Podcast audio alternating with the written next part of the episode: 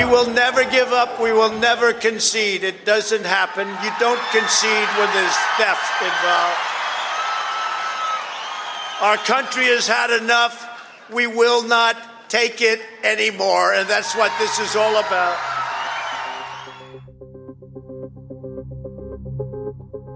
I want you to pay attention to the first group of assailants as they break into the building. The second man through the window is wearing full tactical body armor and is carrying a baseball bat. This is about our Constitution and abusing the impeachment power. We cannot have presidents inciting and mobilizing mob violence against our government and our institutions because they refuse to accept the will of the people under the Constitution of the United States. That presidents can't commit grave offenses in their final days and escape any congressional response. Stormningen av Kapitolium i Washington den 6 januari ledde till att fem personer miste livet. Den ledde också till enorma politiska konsekvenser. Just nu pågår riksrättsprocessen mot ex-president Donald Trump som åtalas för anstiftan till uppror. Han misstänks alltså ha eldat på folkmassorna som stormade Kapitolium och åklagarsidan har inlett förhandlingarna genom att visa övervakningsfilmer från den våldsamma aktionen och klipp och Twitterinlägg där Trump sägs provocera fram stormningen. Bland annat genom att återkomma till sin slogan Stop the steal. Donald Trump har redan skrivit historia genom att vara den enda president som någonsin ställts inför riksrätt två gånger. Men finns det egentligen något som tyder på att Trump kan fällas? Och hur påverkas hans rörelse och det republikanska partiet av det här? Det och mycket annat ska vi ta upp i dagens Aftonbladet Daily. Med oss för att göra det har vi Wolfgang Hansson, utrikespolitisk kommentator på Aftonbladet. När vi spelar in det här samtalet är det torsdagen den 11 februari och riksrättsprocessen är i full gång. Vad tar Wolfgang Hansson med sig så här långt? Ja, alltså det jag har fastnat för än så länge det är ju eh, hur tydligt det framgår att Donald Trump hade en plan redan från början, redan flera månader före presidentvalet i november förra året, där han skulle ifrågasätta valet ifall han förlorade.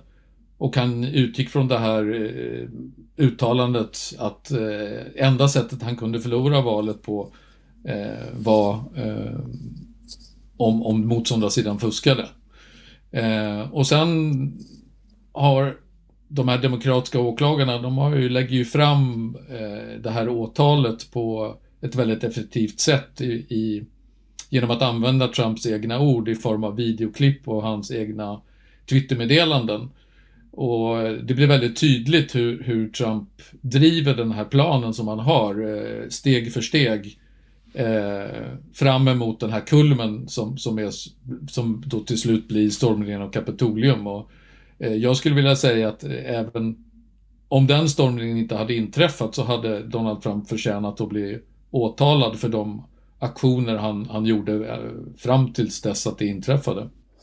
Det, Donald Trump ska ju själv inte ha varit sådär jättenöjd med sin advokat Bruce Casters prestation än så länge. Varför inte? Han, han, gjorde ett väldigt eh, pladdrigt intryck, han var ofokuserad och eh, hade egentligen inte mycket att komma med. Och, och, det var ju till och med så att det var en av de republikanska senatorerna som eh, beslöt sig att rösta för att den här rättegången trots allt är konstitutionell. När han hade hört eh, Trumps försvarsadvokat uttala sig, han tyckte att han gjorde så dåligt jobb så han, då röstade han med motståndarsidan istället. Har Trump själv uttalat sig officiellt på något vis under de senaste dagarna? Nej, inte vad jag har sett. Det, det, det, man har sett är ju eh, amerikanska medieuppgifter på där man har talat med anonyma källor som i Trumps närhet som säger att han är väldigt upprörd över eh, när han tittar på de här förhandlingarna och att han eh, känner sig illa behandlad och, eh, och, att han är som sagt är missnöjd med sina försvarsadvokater så här, så här långt. Eh, det är väl vad vi vet ungefär. Har Demokraterna någon faktisk möjlighet att, att fälla Trump? Det krävs ju att 17 republikaner byter sida. Finns det någonting som skulle kunna få dem att göra det? Alltså det är väldigt svårt att se det. Därför att deras invändning, de har ju valt att, att liksom ha en principiell invändning som i och för sig då senaten röstade ner genom att man ändå fick eh, inleda den här riksrätten. Men deras hållning är ju att eh, eh, man kan inte ställa en president inför riksrätt som inte längre är president. Eh, och den hållningen kommer de att driva oavsett vad, för att det gör ju att de slipper ta ställning till alla de här bevisen som läggs fram. För att tittar man bara på bevisningen så framstår det ju eh, hittills i alla fall som, som ganska solklart att Trump hade en väldigt ledande roll i, i det som hände i Kapitolium den, den 6 eh, januari i stormningen där. Men även under hela den här eh, process, processen fram till dess där han med maffialiknande metoder har försökt eh, att ändra ett demokratiskt valresultat till sin egen fördel. Du använder ju uttrycket bevisning här, men riksrättsprocessen är ju inte som någon vanlig rättegång i, i en domstol. Vad kan egentligen konsekvensen bli för Trump nu när han inte är president längre och inte kan avsättas? Nej, Om han skulle ju, bli fälld? Det, det, är ju en politisk rättegång eh, och eh, han, hans, alltså chansen att han ska fällas är ju väldigt liten. Men om det skulle vara så, mot förmodan, att han skulle bli fälld, då kan man hålla en andra omröstning eh, efter det, där det bara krävs enkel majoritet och förbjuda honom att ställa upp eh, till federala folkvalda ämbeten, det vill säga då kan han inte längre eh, ställa upp i presidentvalet 2024 ifall han skulle vilja göra det. Annars så kan han ju göra det eftersom han bara har suttit en period så har han ju rätt att ställa upp igen. Nu vet vi inte om han tänker göra det, men, men det Eh, den möjligheten, det enda sättet att hindra honom från att göra det, det är att först fälla honom i, i riksrätten. Skulle du säga att det är Demokraternas främsta plan nu, att, han, att hindra Trump från att ställa upp i nya val? Ja, jag tror att det är det som var själva grunden till att de drog igång den här riksrättsprocessen. Det var liksom att de eh, de tycker att han är en, en så farlig person för landet och också för deras egna möjligheter att, att eh, behålla presidentposten, att de eh, helt enkelt vill förhindra att han kan ställa upp en gång till. Och då såg man ju riksrätten som, som den möjligheten att förbjuda honom.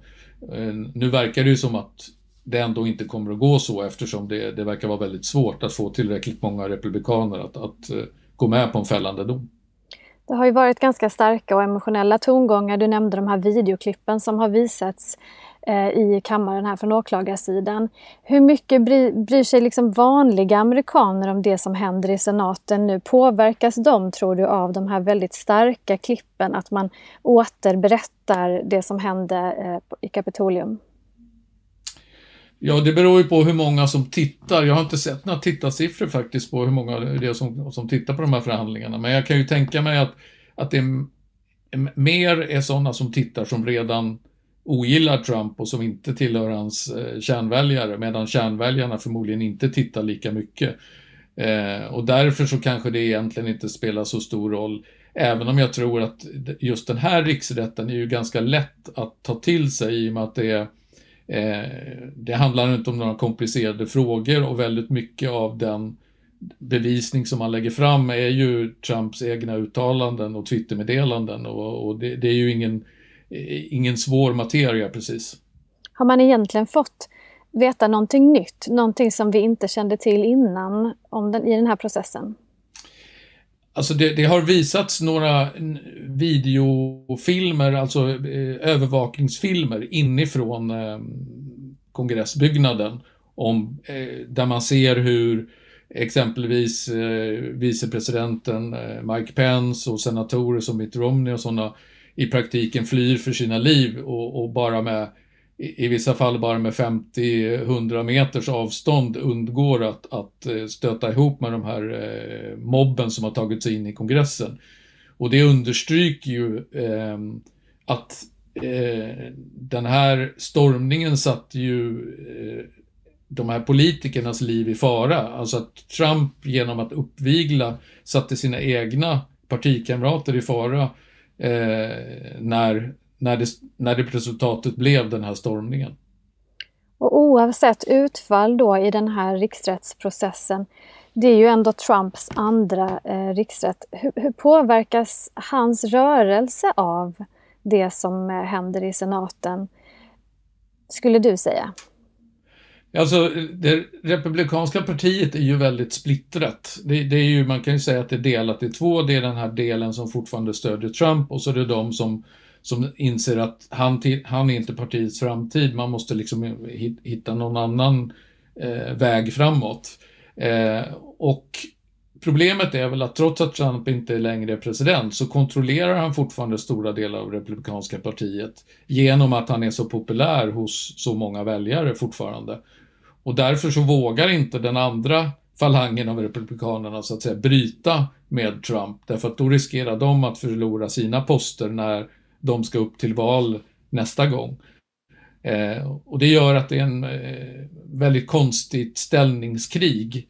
Och det, det, är väldigt svårt att veta hur det här slutar för eh, om, om vi utgår från att eh, Trump blir frikänd, då har han ju faktiskt blivit friad två gånger eh, vid riksrättsförfaranden och då kan han ställa upp i nästa val och väljer han att göra det, då tror jag att eh, då behöver inte den här riksrätten bara vara en nackdel till, för honom utan eh, Eh, han kan också använda den för att eh, hävda att han, motståndarna fortsätter att förfölja honom och titta, de har ställt mig inför riksrätt två gånger men jag har blivit frikänd båda gångerna och så vidare. Så att eh, det är ju en risk Demokraterna tar när de eh, drog igång den här processen att, eh, att det i slutändan faktiskt kan gynna Trump mer än det skadar honom. Samtidigt så utreds ju Trump också av åklagare i Georgia och New York. Vad är anledningen till det?